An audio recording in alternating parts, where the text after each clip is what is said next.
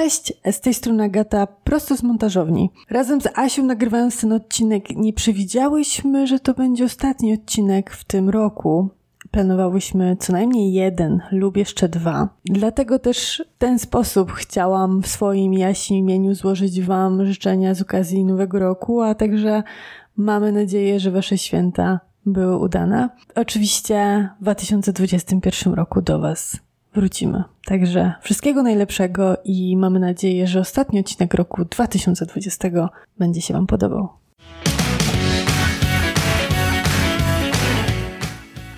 Cześć!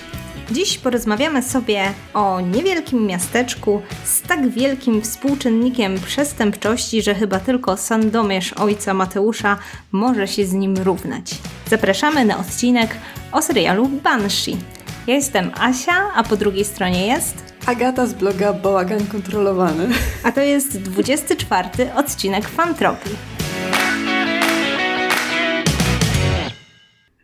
Pozamiatałaś tym Sandomierzem.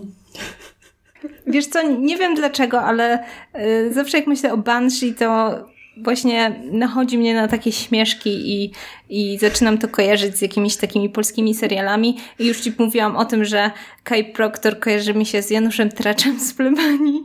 I chyba nie tylko mnie. Tak, ale oni są nawet podobni. Tak, i to jest w ogóle dokładnie taki typ po prostu. Biznesmen, który tak naprawdę właściwie prowadzi bardzo szemrane interesy w małym ma miasteczku. dużo wspólnego z religią. O, właśnie, no tak. No i Sandomierz, oczywiście małe miasteczko, które po prostu codziennie ma jakieś nowe morderstwo bądź inne przestępstwo i ojciec Mateusz musi to wszystko rozwiązywać. Ale wyobraź sobie ojca Mateusza z takim poziomem brutalności jak Banshee. To byłoby, wiesz co, byłoby było ciekawe, ciekawe. tak, dokładnie. Właśnie nie jesteśmy jeszcze chyba na takim etapie, gdzie, nie wiem, w Polsce trafilibyśmy użyć e, właśnie takiej, takiej przemocy, ale w, takim jakby totalnie gro- groteskowym przegięciu, które Mm. jest nawet właśnie chwilami śmieszne. Chociaż w sumie Banshee przecież nie jest śmiesznym serialem, natomiast y, ogląda się go dziwnie przyjemnie. Tak, zgadza się. To był mój. y, Podczas tej pandemii Black Sails i Banshee to były i potem Boys to były takie moje seriale, które przynosiły mi w dziwny sposób taką. Może ulga to nie jest odpowiednie słowo, ale jakoś tak, na zasadzie psychiczną ulgę. Mhm. Ale wiesz co, ja to rozumiem, bo, bo ja zawsze mówiłam, że Banshee to jest serial, który mnie niezwykle relaksuje. Właśnie być może dlatego, że, że to jest troszeczkę tak jak z tymi true crime'ami, że przerabiając y, takie okropne rzeczy na ekranie, dajemy sobie jakąś tam dawkę później endorfin po zakończeniu e, stresującego seansu i tak naprawdę paradoksalnie wychodzi na to, że po skończonym odcinku jest, czujemy po prostu spokój i satysfakcję i jest nam miło. A powiedz mi, jak trafiłaś na Banshee? Bo to z jednej strony słyszy się w, pewien, w pewnych kręgach, jest to serial kultowy, ale równocześnie to nie jest serial typu Gra o Tron, który był po prostu wszędzie i, i każdy o nim słyszał. Jak w ogóle na niego trafiłaś? Bo ja go zaczęłam oglądać przez ciebie. No więc- widzisz. Wiesz co, to jest historia i zawsze, nie wiem, bardzo mi utkwiła w pamięci, bo to nie jest tak, że gdzieś tam widziałam zajawkę tego serialu, bo i to był zupełny przypadek. Był rok y, jakiś 2015 bądź 16 i byłam na Pyrkonie z moją koleżanką i porąbały nam się panele na które miałyśmy iść i zupełnie przez przypadek trafiłyśmy na panel o Banshee. I ja przez pięć, pierwsze pięć minut w ogóle nie wiedziałam o co chodzi. Oczywiście sprawdzałam kartkę e, z tą całą rozpiską. Już nie pamiętam, czy pomyliłyśmy salę, czy była jakaś po prostu zmiana na ostatnią minutę w całym rozkładzie, bo jakiś panel wypadł i ten wskoczył. W każdym razie wylądowałyśmy na panelu o Banshee. Pamiętam, że był tam e, Kuba Ćwiek, On jest wielkim fanem. tak, i on strasznie właśnie, i to był długi panel, jakiś dwugodzinny może, albo trochę krótszy, ale długi. I nasłuchałam się tyle e, rzeczy o Banshee i totalnie nie słyszałam o tym serialu nigdy. że sobie pomyślałam, kurczę, no naprawdę to brzmi ciekawie. Zwłaszcza, że na przykład właśnie Ćwiek opowiadał o tym serialu mm, w takim kontekście popkulturowych klisz amerykańskich, które są w tym serialu nagromadzone i myślę, że o tym porozmawiamy, bo jakby to jest według mnie najciekawsze właśnie w serialu Banshee, że że to jest serial, który ma po prostu wszystko. Wszystkie stereotypy, klisze, konwencje z amerykańskiej popkultury, jakie możemy sobie wyobrazić. Jeśli chodzi o nurt taki na przykład sensacyjny, przygodowy, czy też westernowy, że to jest naprawdę kopalnia tropów dla każdego, kto lubi popkulturę, zajmuje się popkulturą, e, no to jest według mnie seans obowiązkowy, więc usiadłam i i się zakochałam totalnie, chociaż był to chyba taki pierwszy naprawdę przebrutalny serial, który, który oglądałam i, i który mi się spodobał właśnie przez to, że on e, gra bardzo tymi stereotypami i, i pokazuje je w tak przerysowany i groteskowy sposób, że one przestają cię mierzić, tylko zaczynają po prostu bardzo bawić i sprawiasz, sprawiają, że, że jest to wspaniała rozrywka po prostu. To ja ci powiem, że po raz pierwszy o Banshee też słyszałam przez Jakuba Ćwieka. Nie mu chyba powinni zapłacić za reklamowanie tego serialu, bo czytałam jego książkę poprzez stany pop świadomości i on tam wspominał i tam chyba nawet y, jechali w okolice, gdzie ten serial kręcono. I miałam gdzieś takie w głowie, no trzeba go kiedyś obejrzeć. Ale ja ani razu z kontekstu nie wyłapałam, że to nie jest serial fantazy. Ja byłam cały czas święcie przekonana, że Banshee to jest serial fantazy, no bo Banshee, tak? Mm -hmm. A mhm. Banshee to jest potwór, który zapowiada śmierć. Ja byłam cały czas przekonana, że to o to chodzi. Jak znalazłam w ogóle pierwszy opis tego serialu, to na początku miałam takie, mm, chyba pomyliłam, to chyba nie o ten serial chodzi. I żyłam w przez kilka lat dosłownie w takim przeświadczeniu, że ten serial o szeryfie chudzie to nie jest ten serial, który powinnam znaleźć nie mogę znaleźć tego właściwego serialu Banshee, bo przecież to jest serial fantazy. I dopiero ty mi uświadomiłaś, że to jest dokładnie ten serial. No, ja bym go nigdy nie obejrzała chyba, gdyby nie y, właśnie ten panel na, na Pyrkonie. A później się tak wkręciłam, że nawet y, tam, nawet pamiętam, że napisałam e, pracę semestralną na, na studia o Banshee, na zajęcia z kontekstów popkulturowych, mieliśmy takie fajne zajęcia na studiach, więc pisałam właśnie w, o takim amerykańskim micie właśnie w serialu Ban Banshee, więc, mm. no więc był to serial, który jest y, taki dobry pod rozkminki, badania, pisania esejów i, itp. Zdecydowanie, tak, zgadzam się. Powiedz mi, czy zaskoczyło cię coś w tym serialu? Bo ja ci opowiadałam, że fajnie go zobaczyć, że on jest taki tak. e, itp., ale nie wiem, spodziewałaś się czegoś innego? To znaczy, jak już doszłam do tego, że to jest serial o um, przestępcy, który się podszywa pod um, szeryfa Huda, to jakoś w mojej głowie stworzyło się przekonanie, że to będzie coś w stylu Suits, czyli będzie, serial będzie oparty na całej intrydze, na zasadzie czy dowiedzą się, że on naprawdę nie jest szeryfem i kiedy się o tym dowiedzą, kiedy prawda wyjdzie na jaw. No bo to opis tego serialu trochę to prowokuje, no już nie jeden taki serial był. I bardzo mnie zaskoczyło to, że Banshee zupełnie o tym nie jest. W sensie, szeryf Hood ma tak bardzo gdzieś, czy ktoś się dowie, czy nie. Znaczy jasne, on to ukrywa, ale jego podejście jest takie na zasadzie, no jak się dowiedzą, no to albo ucieknę, albo zabiję tego, co się dowiedział. No pff, na czym tu się w ogóle zastanawiać? Przecież to nie jest problem. I tak bardzo mi się to podoba, że ten serial zupełnie nie przejmuje się tym, kiedy się to wyda, czy to się w ogóle wyda, bo to też wcale nie jest oczywiste. Serial w ogóle nie kręci tego wątku jako wątku głównego. I w sumie nawet nie mógłby, i, i to, co powiedziałaś, właściwie sprowokowało mnie teraz do takich myśli, że właśnie Lucas Hood, a właściwie nasz bezimienny bohater, bo my się nigdy nie, wie, nie dowiadujemy, jak, jaka jest prawdziwa tożsamość i jak się nazywa e, Lucas Hood.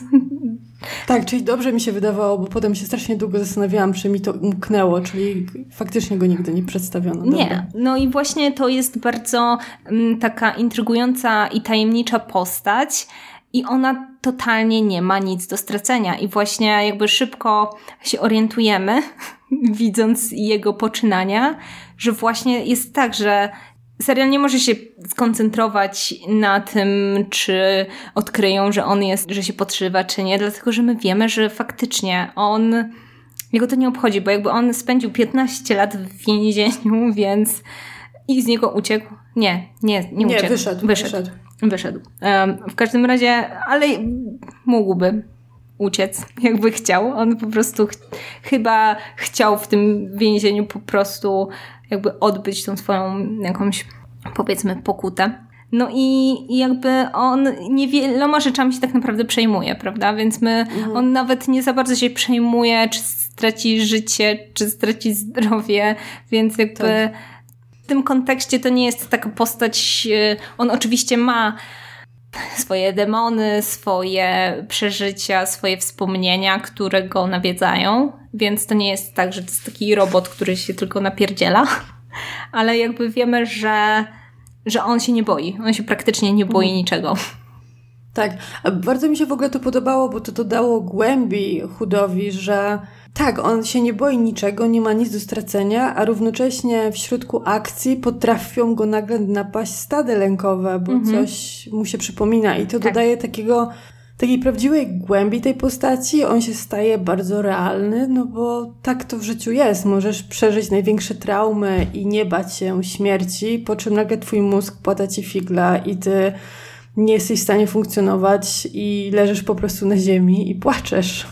No dokładnie. Poza tym on się też bardzo przejmuje na przykład kobietami, które kocha, więc za każdym razem jego relacje z, albo z Carrie, albo z Siobhan są właśnie takie e, ciekawe i dość poruszające i to są takie wątki wzbudzające emocje, bo, bo właśnie to są takie nieliczne jakieś przypadki, kiedy widzimy, że, że temu Lukasowi e, Chudowi naprawdę na czymś zależy. Dokładnie tak, a równocześnie mamy ten motyw, w którym on jest szeryfem i nie przestrzega żadnych policyjnych zasad.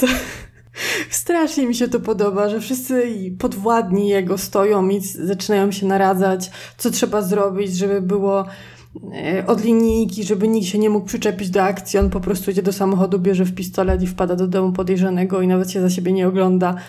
I bardzo mi się podoba to rozróżnienie, bo my wiemy, kim on jest naprawdę i to z niego wychodzi za każdym razem. To nie jest tak, że serial z jednej strony pokazuje nam przestępcę, że on gdzieś tam kradnie jakieś diamenty, ale z drugiej strony jest przykładnym policjantem. Mhm. Nie, on nie jest przykładnym policjantem. To jest najgorszy typ policjanta, jakiego sobie można wyobrazić. To prawda. Myślę, że w dzisiejszych czasach ten serial mm, by nie powstał. Oj, na pewno nie.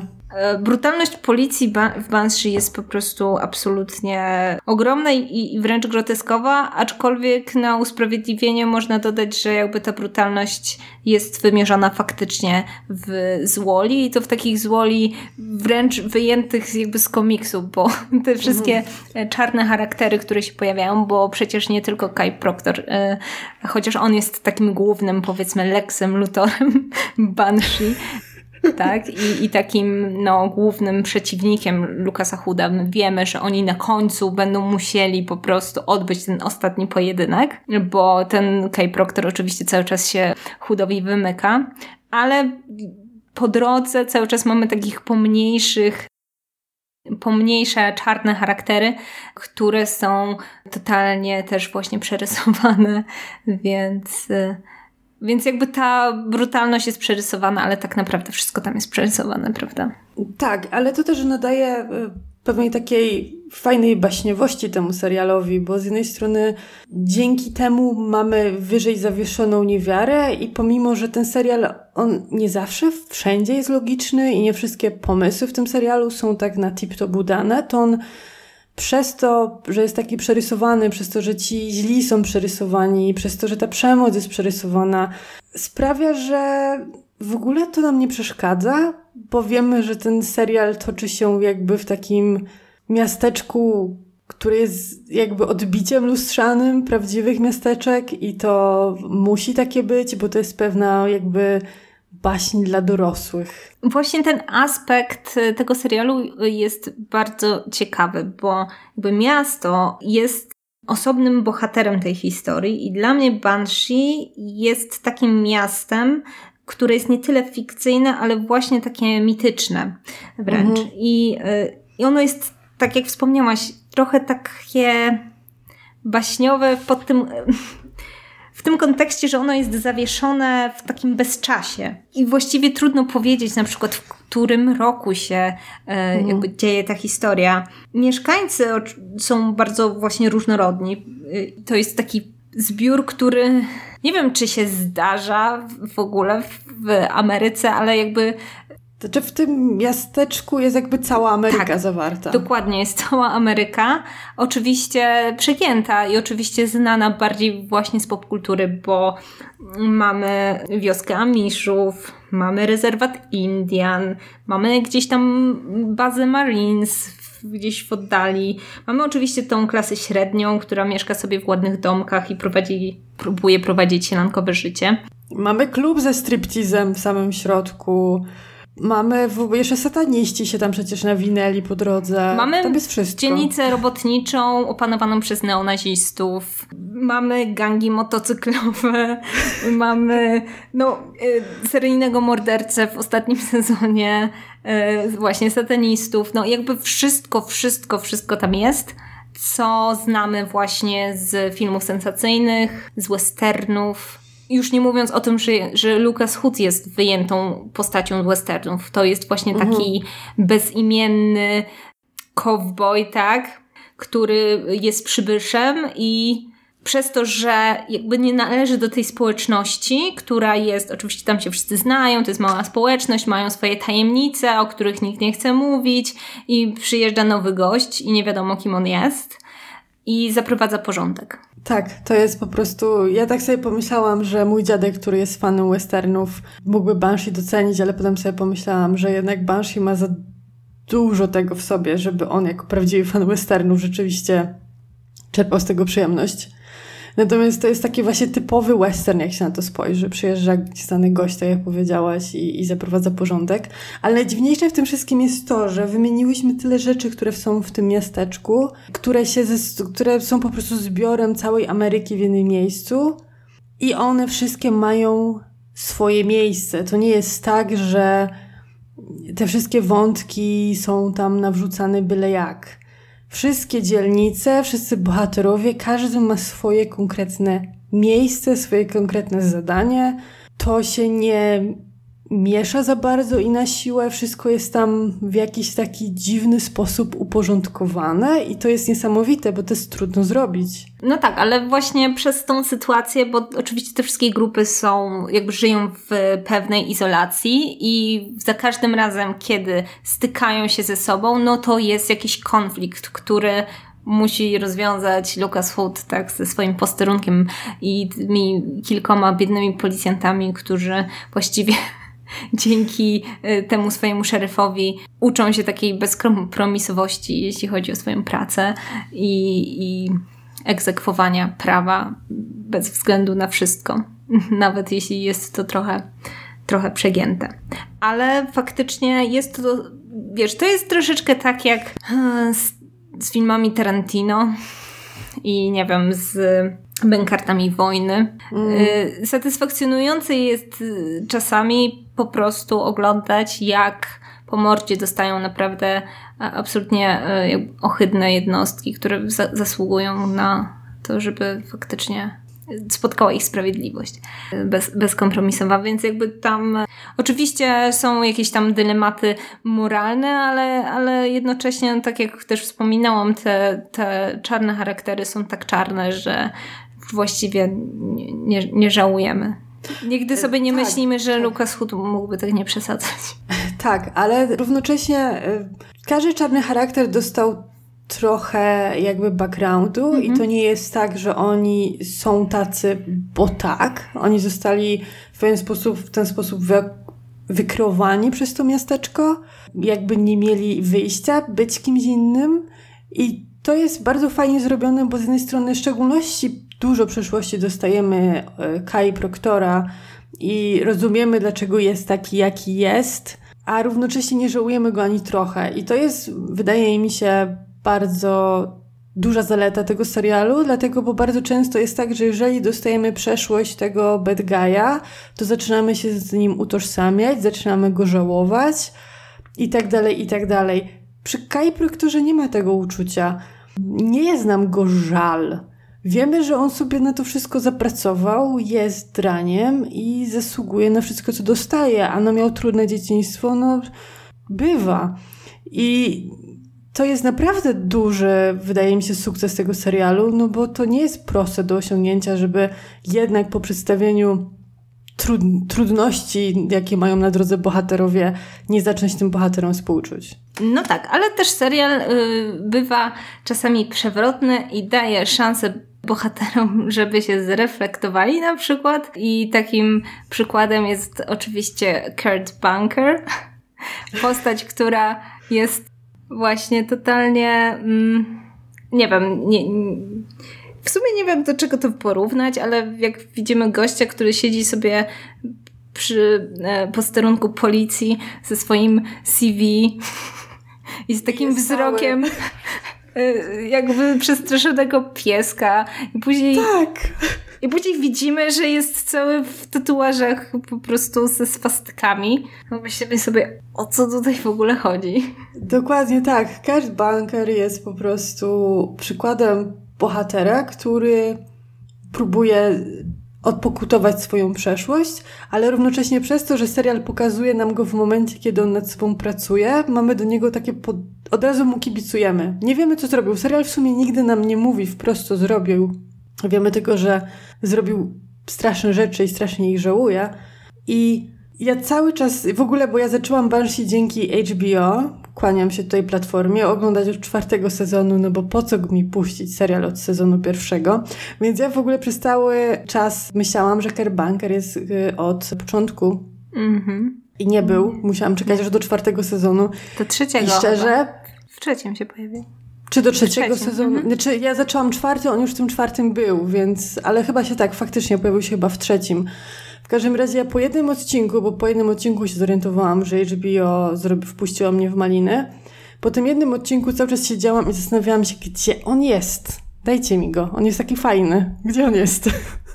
No to prawda, ale właśnie postać jest bardzo ciekawa, ponieważ faktycznie jest to policjant, który ma swastykę na policzku. Jest po pokutującym byłym neonazistą, który jest przy okazji po prostu naprawdę najbardziej uprzejmym człowiekiem w Banshee chyba.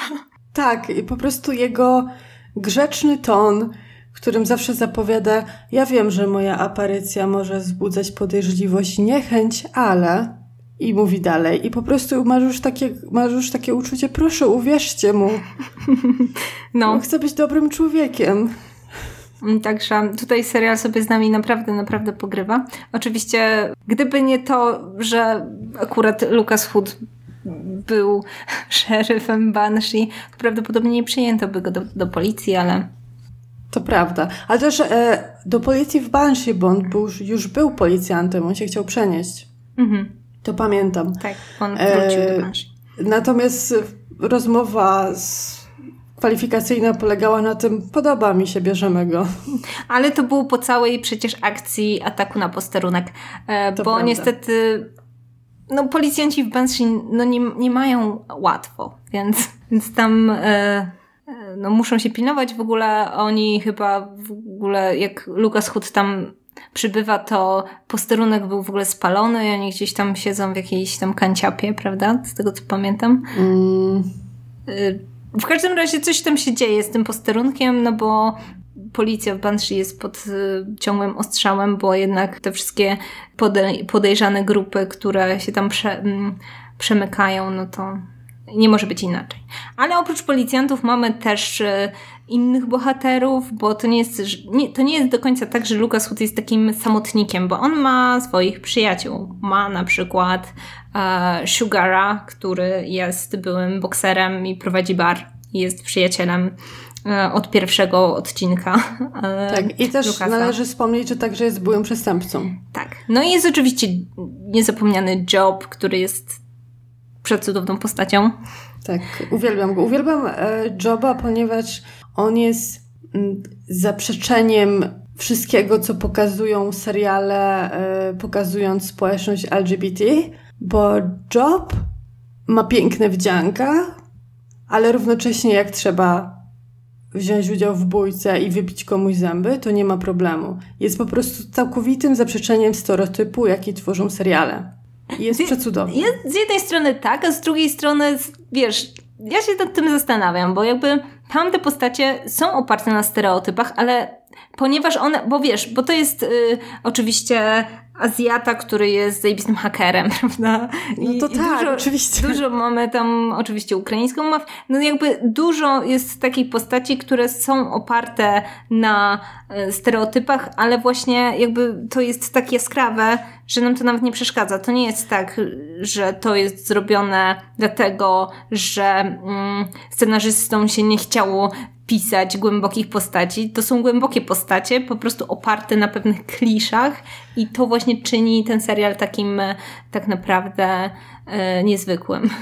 Tak, ja się z Tobą zgodzę, tylko chodziło mi o to, że, y, bardzo, że bardzo łatwo byłoby napisać, nie wiem, genialnego hakera, który równocześnie, wiesz, nie umie posługiwać się bronią i piszczy i trzeba mu pomagać, a Job taki nie jest. On jest kliszowym, genialnym hakerem, należy do społeczności LGBT, a równocześnie, no, jest też doskonałym przestępcą i czasami chód przy nim jest gorszy. Wydaje mi się, że teraz już to nie jest takie dziwne, bo jednak tych postaci LGBT jest y, coraz więcej popkulturze mhm. i też się przełamuje te schematy, natomiast jakby serial jest z 2013 roku, on się zaczął w 2013 roku, w związku z tym no jakby wydaje mi się, że to mogło być coś takiego nowego tak naprawdę.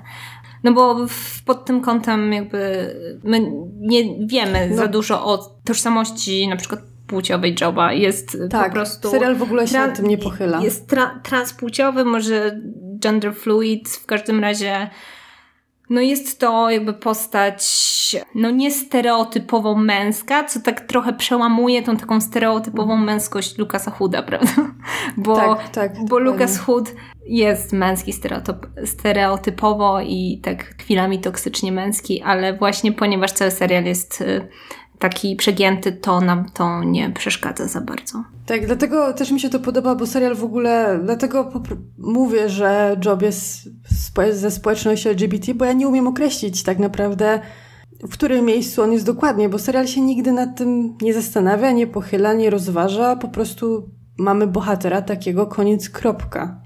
Po co patrzeć w ogóle, po co się nad tym zastanawiać?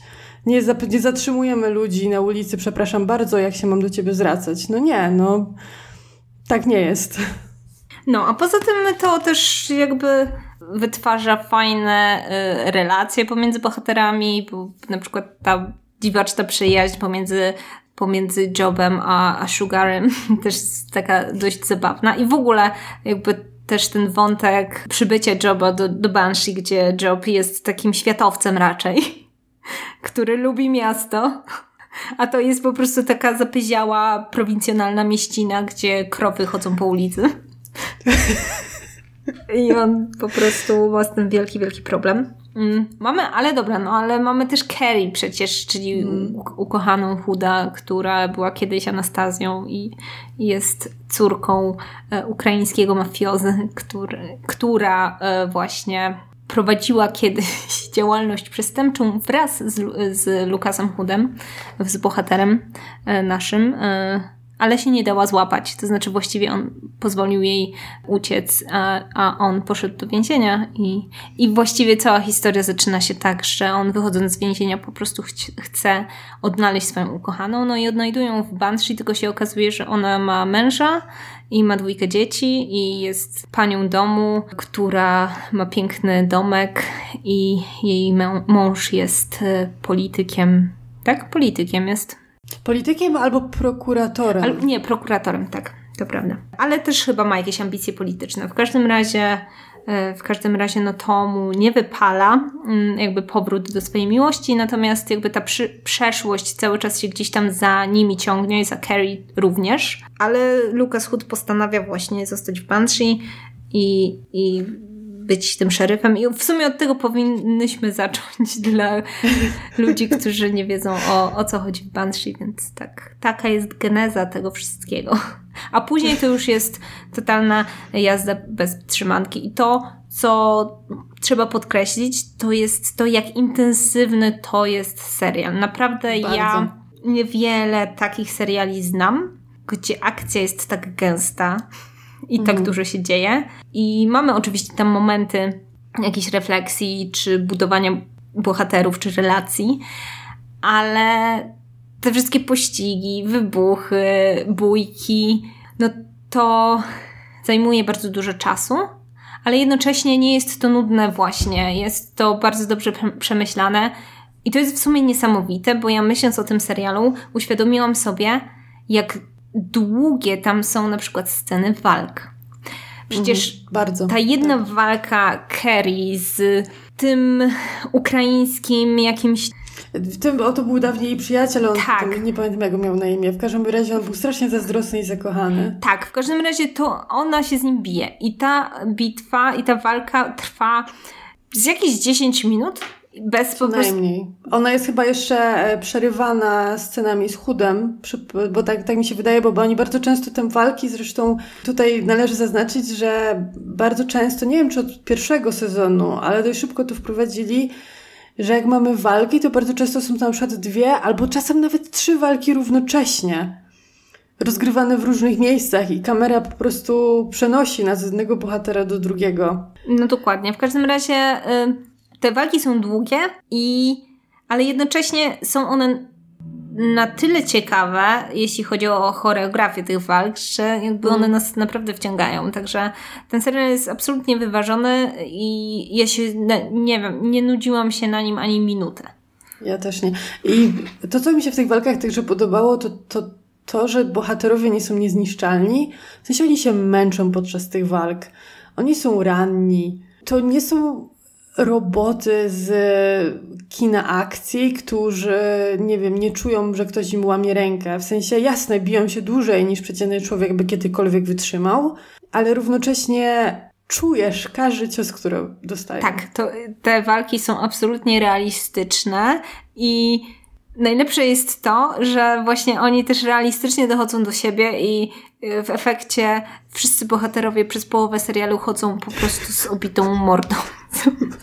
I Ale powy... To nie jest tak, bo w niektórych filmach czy serialach to jest tak, że jest scena walki, tak, widzimy opuchniętą postać, a na drugi dzień już jest w ogóle super spoko. Tak. Natomiast tam, no ten Lucas Hood no, po, po jednej takiej bijatyce to po prostu ma podbite oko przez tydzień, nie umie chodzić i w ogóle i, i, tak. i Kerry też na przykład no, musi sobie trochę odleżeć w szpitalu, natomiast fakt faktem jest, że jakby oczywiście, że nikt by nie przeżył tak wielkiej dawki po prostu lania e, po mordzie. Więc y, te walki są przerysowane i one zawsze mi się kojarzyły z jakimś takim Tekkenem albo z Mortal Kombat. Mm, Takimi tak, po prostu faktycznie. giereczkami. Mm. Zwłaszcza jedna walka Bartona z Nolą. Nie będę spoilerować, co się tam stało, ale. O Jezus. Ale to jest totalna jazda bez trzymanki, więc możemy się jakby e, spodziewać wszystkiego, łącznie z odcinaniem członków, z wyrywaniem gardeł i różnymi takimi rzeczami znanymi z gier komputerowych bardziej niż z jakiegoś filmu akcji. Dokładnie tak, natomiast właśnie te walki z jednej strony są brutalne, ale z drugiej strony przez to przerysowanie nie obrzydzają, hmm. nie ma tego wrażenia, o Jezus, nie mogę patrzeć, co się dzieje. Tak, jakby tak, to jest taki, nie wiem, no.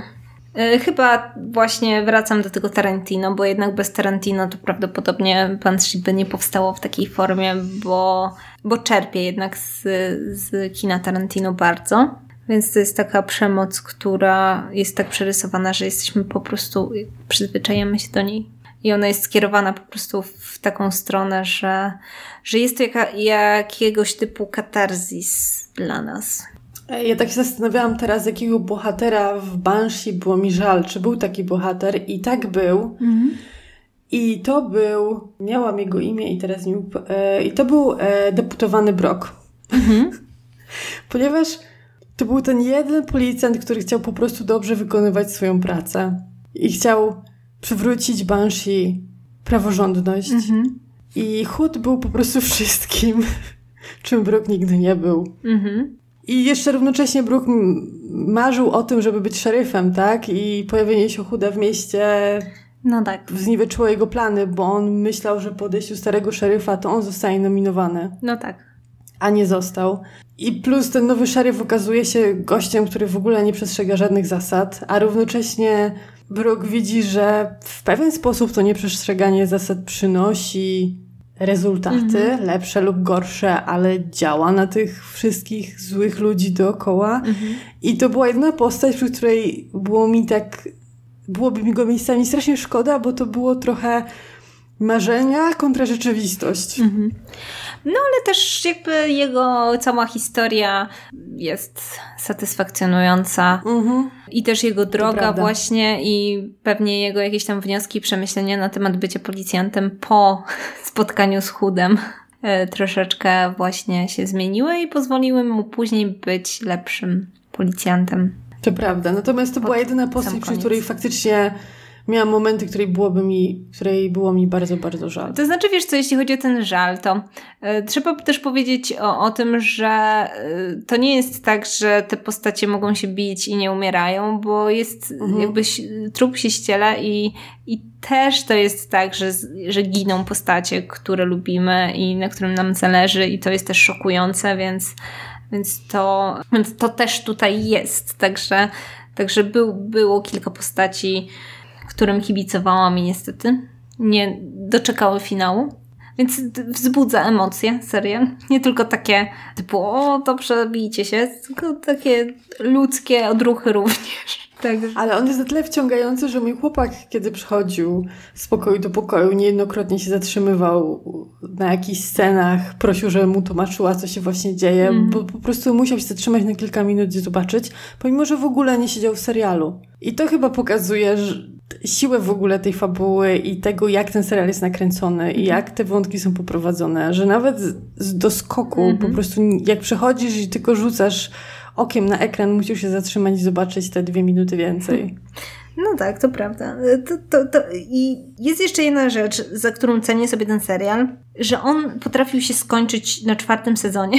Mm. I w dobie takiego przyciągania seriali bardzo, bardzo to powiem, że byłam pod wrażeniem tej decyzji e, twórców, że robią tylko cztery sezony, ponieważ tak wymyślili sobie tą historię i nie chcą jej przeciągać. I wydaje mi się, że dzięki temu dostaliśmy serial krótki, ale o po prostu bardzo wysokim poziomie. Tak, zgadzam się z tym. I w ogóle mm, jestem zaskoczona zakończeniem, bo ja już tak im bliżej było końca czwartego sezonu, tym bardziej zastanawiałam, jak wy chcecie to skończyć, mhm. bo w, w, takich serialach jak Banshee, gdzie trup ściele się gęsto, mamy naładowanie akcją, mamy wszystkie możliwe tropy popkulturalne i tak dalej, i tak dalej, trudno jest dać satysfakcjonujące zakończenie. Mhm. A Banshee takie zakończenie dało i nie tylko dało takie zakończenie chudowi, ale każdy z bohaterów dostał odpowiednie zakończenie, które jest z jednej strony satysfakcjonujące, z drugiej strony nie jest za słodkie, nie jest hmm. za gorzkie, jest dokładnie takie, jakie powinno być. Dokładnie. I powiem Ci szczerze, że teraz jesteśmy w ogóle w takim czasie, w takim okresie, gdzie mnóstwo seriali się kończy, te, które właśnie były z nami przez lata. I niestety z mojego doświadczenia to jest tak, że to jest rozczarowanie, niedosyt, smutek, złość, irytacja za każdym razem. I i powiem Ci, że Banshee to jest taki serial, który naprawdę dla mnie skończył się idealnie. Wszystkie postacie, tak jak mówisz, dostały swoje zakończenia. Wszystkie wątki ładnie właśnie zostały pozamykane. To było takie słodko-gorzkie, ale, ale naprawdę satysfakcjonujące i cholera jasna, jak to się rzadko zdarza teraz. Naprawdę, naprawdę. Ja przyznam szczerze, bardzo się boję sprawdzać, co się stało teraz Supernatural. Wiem, że podziało się źle, ale ja tego nie sprawdzałam. I mam właśnie w głowie to, że kurczę, w tym roku zakończyłam dwa seriale, Black Sails i Banshee, które miały takie zakończenia satysfakcjonujące, mm -hmm. a które tak naprawdę trudno było mi sobie wymyślić, jak mogłyby się skończyć, że po prostu nie chcę sprawdzać nawet, co się stało w Supernatural, bo ja wiem po grze o tron i po jak poznałem waszą matkę, że jak będzie to jak będzie złe zakończenie, to ja nie będę chciała o tym serialu nawet myśleć za bardzo. Mm. Nie, na pewno nie będę chciała do niego wracać. I teraz nie wiem, co zrobić. No, ja też nie wiem, co zrobić i czekam jeszcze. Może jak sobie wezmę znowu Amazona kiedyś, jak już będzie 15 sezon tam, no to będę miała dużo czasu i akurat chęć to zobaczę, tak, żeby już zainwestowałam dużo czasu. Natomiast, no niestety, no, im dłuższy serial, tym mniejsze prawdopodobieństwo, że y, zakończenie będzie dobre, więc ja sobie cenię w Banshee to, że miał tylko cztery sezony i oczywiście fajnie by było dostać więcej.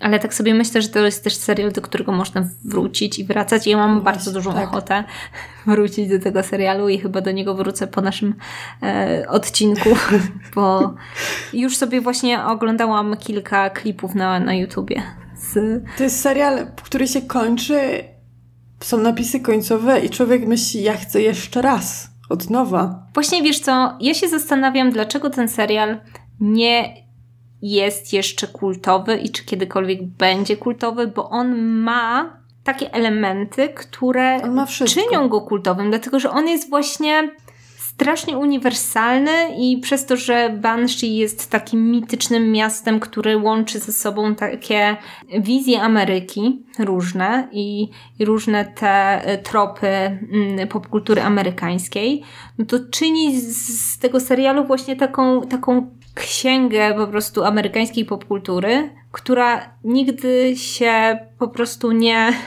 no nie straci ważności, nie straci daty ważności to miasto, ta akcja może się dziać, wiesz, w, w XXI wieku, w XVIII wieku, w XXI czy XXIV. Ona jest po prostu ponadczasowa.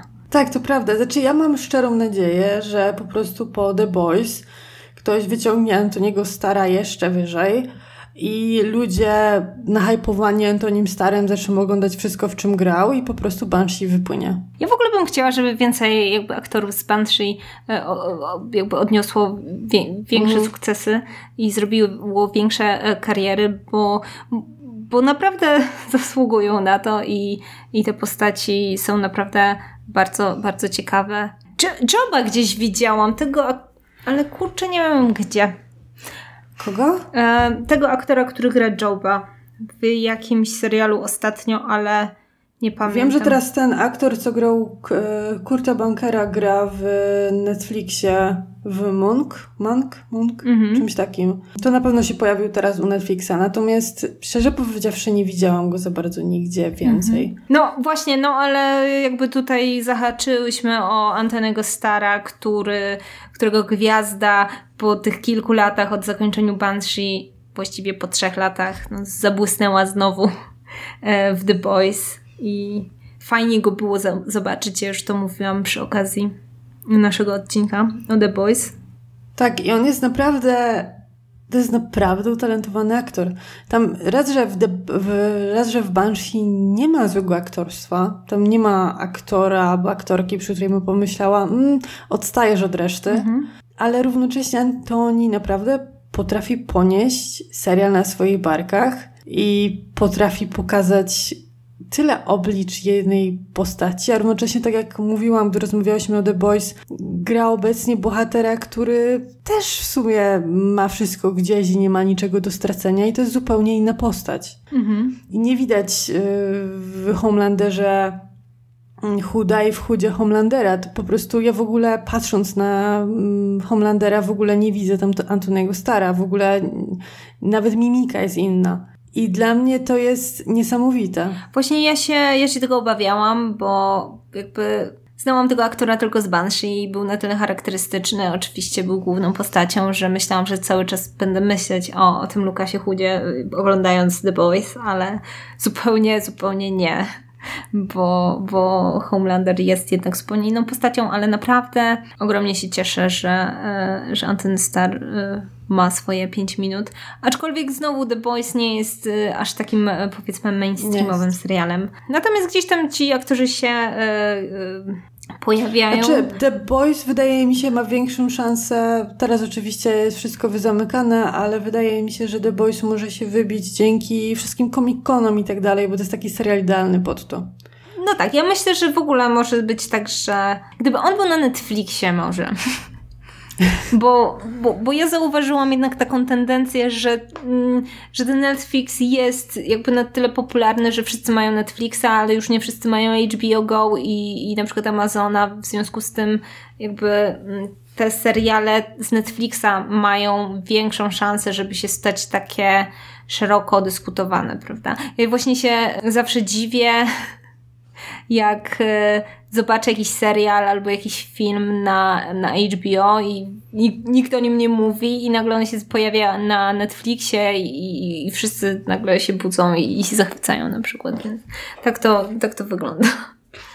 Znaczy tak to wygląda w sumie u nas, nie wiem jak jest za granicami, bo nie wiem jak jest w sumie w Wielkiej Brytanii, ale wiem, że w Ameryce to mają już tyle tych stacji streamingowych, że to jest już jakieś kuriozum wielkie. Nie, to, to prawda. No, natomiast Banshee jest właśnie takim fajnym serialem dla e, nerdów, dla miłośników popkultury, bo tej popkultury tam jest naprawdę sporo. Jeśli ktoś e, właśnie jest fanem westernów albo fanem takiego tropienia takich różnych śladów popkulturowych z, z różnych innych filmów, z wydarzeń, e, jakichś właśnie popkulturowych z historii Ameryki albo coś takiego, no to tam można naprawdę, jest taka kopalnia tych wszystkich tropów można tam grzebać i grzebać i zawsze znaleźć coś, coś nowego. To jeszcze może powiedzmy, gdzie można Banshee obejrzeć. e, można obejrzeć Banshee na HBO Go. Tak. Wiem, że za granicą, jeżeli ktoś korzysta z zagranicznego Amazona, to na Video Prime na pewno za granicą. Wiem stąd, bo Antoni Stary po prostu promował, że Banshee pojawiło się na Amazonie Prime, ale teraz sprawdziłam i nie ma go w Polsce. Mhm. Więc nie mam pojęcia, czy się pojawił w Ameryce, czy się pojawił w Wielkiej Brytanii, czy jest wszędzie, tylko nie w Polsce, bo HBO Go ma umowę na Polskę najwyraźniej. Mhm. Natomiast wszystko wskazuje na to, że może być tak, że na przykład umowa się skończy z HBO i Banshee wskoczy gdzie indziej. E, no tak, dlatego że, bo ja w ogóle myślałam, że Banshee jest HBO, ale Banshee jest Cinemaxa. E, mhm. Więc, więc może tak być. E, natomiast fajnie, że możemy polecić serial, który jest już skończony i ma właśnie mało sezonów, więc jakby tutaj nie musimy przekonywać do e, nadrabiania dziesięciu na przykład, bo jakby Dokładnie. odcinki, sezony są krótkie, na przykład chyba ostatni sezon ma tylko 8 odcinków, więc jakby to nie Jakoś jest... tak. Wydaje mi się, że jest krótszy większość ma chyba 10, mhm. a ostatni ma chyba właśnie 8. No w każdym razie, jeśli załapiecie jakby tą faktycznie taką przerysowaną konwencję, już po pierwszym odcinku myślę, że można się zorientować, e, jak ten serial będzie wyglądał, no to później już po prostu, jak się dacie wciągnąć, to łykniecie to w weekend. Także... Tak, ja sobie, ja się fizycznie zmuszałam, żeby sobie Banshee rozciągnąć i oglądać sobie na spokojnie, bo naprawdę akcja jest taka, że bardzo trudno nie jest puścić kolejnego odcinka. Ostatnie pytanie. Czy ty oglądałeś Justified? Nie, nawet o tym nie słyszałam. Bo ja mm, szukając, bo ja generalnie po obejrzeniu Banshee bardzo szukałam seriali, które są podobne.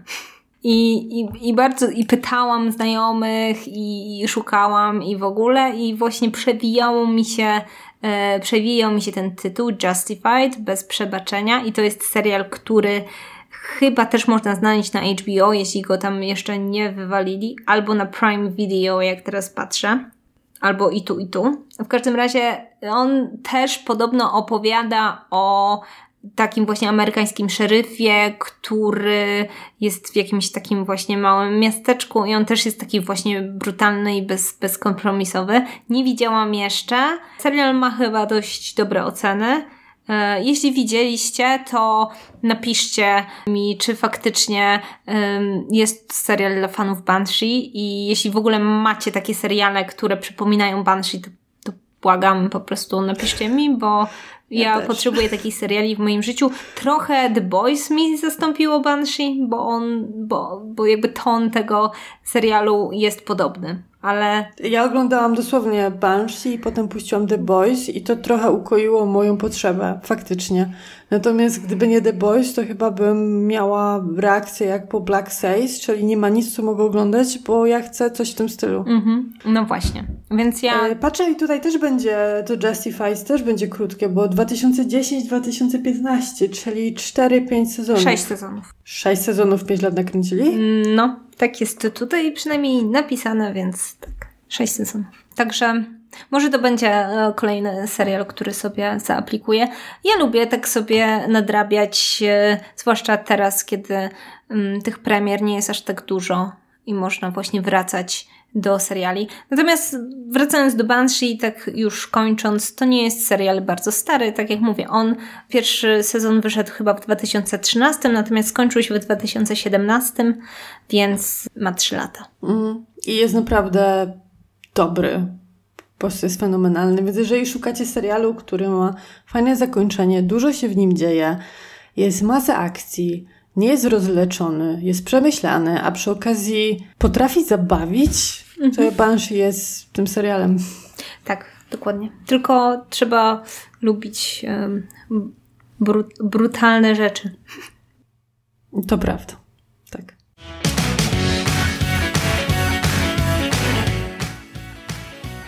Więc myślę, że chyba kończymy na dziś. Nie ma co przedłużać. Po prostu idźcie i oglądajcie. I nieście wieść dalej, żeby wszyscy słyszeli o Banshee.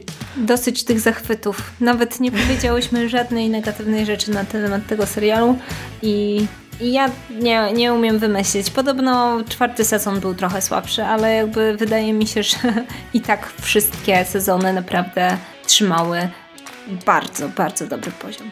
Ja się z tym zgadzam. Nawet nie mam zamiaru wysilać się, żeby szukać jakichś negatywów, bo to jest bez sensu. No właśnie. Więc, tak jak wspominałam, kończymy. Oglądajcie Banshee i słuchajcie nas. Znajdziecie nas na Spotify, znajdziecie nas na iTunes. Jeżeli nas słuchacie na iTunes, będziemy wdzięczne za pozytywne recenzje i oceny. Mm, Znajdziecie nas także na YouTubie i na Ankorze. I do usłyszenia następnym razem. Cześć! Cześć! Bye.